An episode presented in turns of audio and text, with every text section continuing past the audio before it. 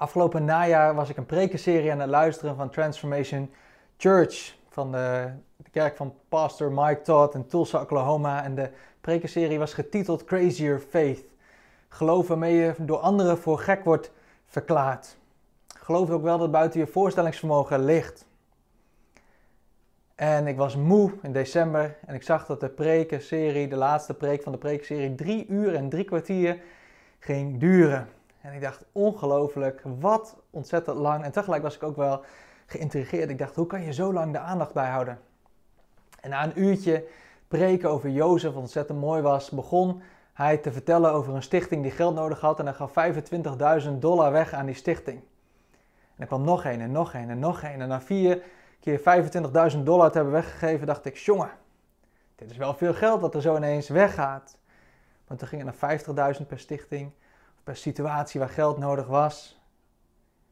En in het begin, terwijl ik aan het luisteren was, dacht ik nog, dit is wel echt typisch Amerikaans. Hè?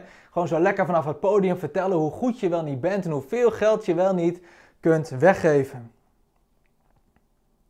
Maar nadat de eerste tonnen waren weggegeven, dacht ik ineens, dit is precies wat wij eigenlijk nodig hebben als christenen. Dit is het normale christelijke leven. Wij horen te delen van wat wij hebben.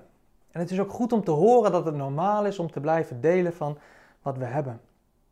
We moeten scherp blijven om te letten op de noden om ons heen en daarin ook financieel te blijven getuigen van ons geloof in God.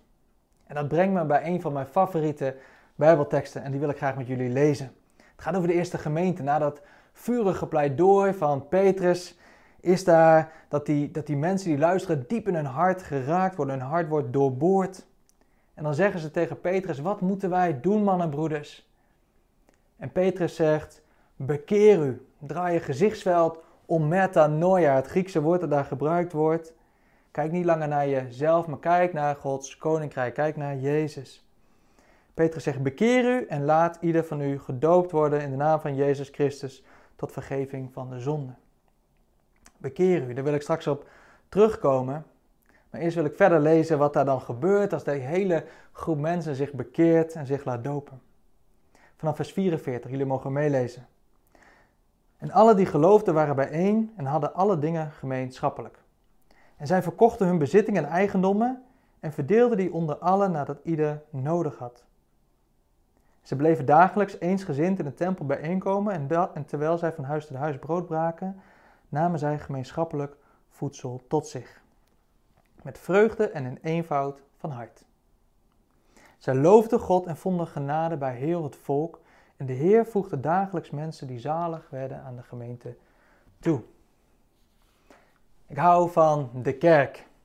En ik hou ook ontzettend veel van onze kerk. En een paar weken terug werd er genoemd hoeveel geld er werd gegeven bij het kerstdankoffer. En ik weet niet wat het met u deed, maar bij mij raakte een soort ontroering in mijn hart.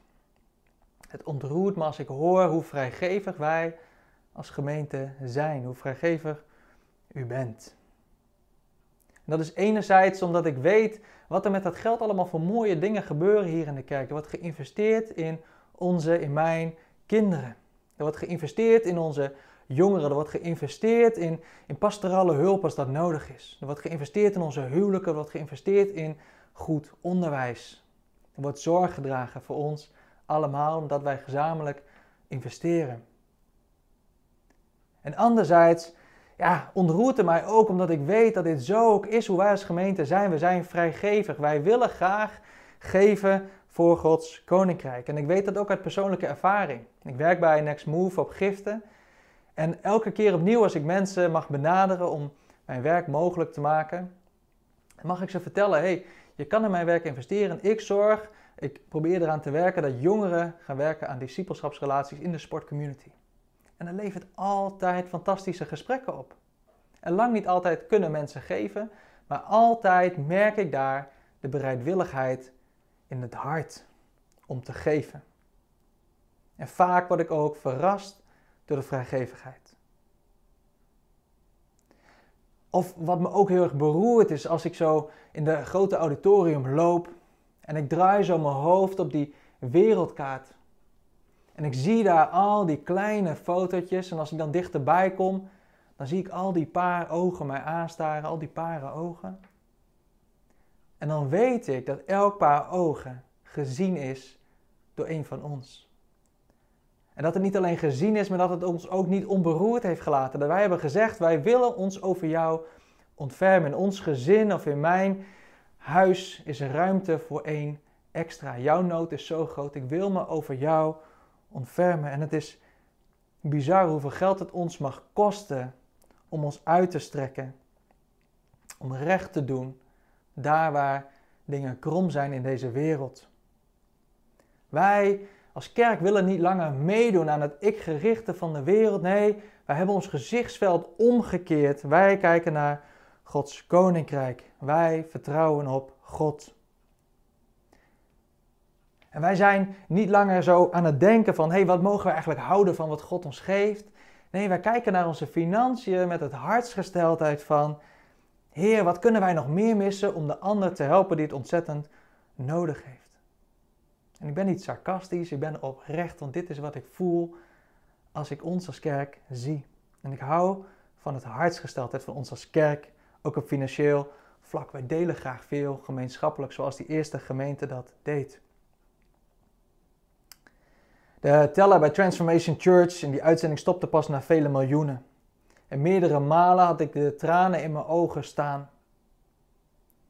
Want hoe meer er werd gegeven, hoe meer ik mij besefte hoe groot de nood is. De nood daar lokaal in Tulsa, Oklahoma. Maar ik dacht als dat daar is, op hoeveel meer plekken in de wereld zal dat dan wel niet zijn? Niet alleen aan de overkant van de oceaan in Amerika, maar natuurlijk ook in, in andere werelddelen, ook in ons Europa, ook in ons Nederland. Ook hier in onze stad is de nood op sommige plekken ontzettend hoog. Is het water niet alleen tot aan de lippen, maar is het water al ver boven de lippen gestegen. Er is nood in onze stad, er is nood in ons land naar liefde. Er is nood naar recht. Anderen hebben spullen vaak ontzettend veel harder nodig dan dat wij. Want wij hebben Jezus. Als wij een nood hebben, dan vragen we onze Hemelse Vader en Hij geeft ons dat wat wij nodig hebben. Hij geeft ons dat wat goed voor ons is. En niet altijd dat waar wij om vragen, maar Hij geeft altijd wat goed voor ons is. Maar de wereld, de mensen om ons heen die God niet kennen, waar moeten zij heen met hun nood?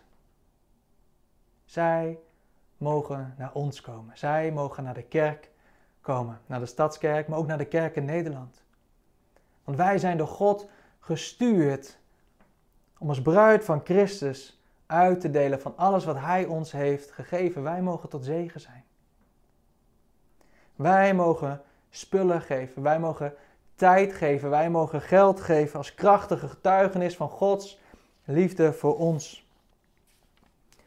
Ik heb gemerkt dat als onze daden betrouwbaar zijn, als wij ruimhartig geven met spullen en met geld en met tijd, dat onze woorden ook veel betrouwbaarder zullen overkomen. Het geven van spullen, van tijd en van geld. Het is nodig om, om te helpen bij het geven van een getuigenis. Die twee mogen hand in hand gaan. Dat maakt een getuigenis ontzettend krachtig die versen van Handelingen 2 en ik herken zo onze eigen gemeente erin. Misschien niet zo radicaal als toen, maar ergens zit daar wel dat verlangen bij u en bij mij. Wij willen zo graag die, die gemeenschap zijn die samen optrok, die samenkomt om God te loven. En dat brengt me op dit punt bij jou, mooie luisteraar. Ik wil je vragen, hoe zit het met jouw hart? De combinatie van jouw hart en je portemonnee, zit dat goed? En ik zei net al, er zit ontzettend veel goed in onze gemeente. En misschien zit dat bij jou goed. Nou, God zei dank. Ik ben daar blij mee. Maar misschien knaagt deze parel ergens aan jouw geweten. Of irriteert het misschien zelfs wel ja, dat we het hierover moeten hebben.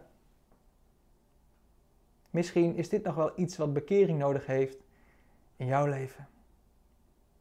En misschien vraag jij wel je af wat jij uh, moet weggeven in plaats van wat je kan weggeven. misschien ben je veel meer bezig met de vraag hoe je in je eigen leven het grote, mooie, beter voor elkaar kunt krijgen.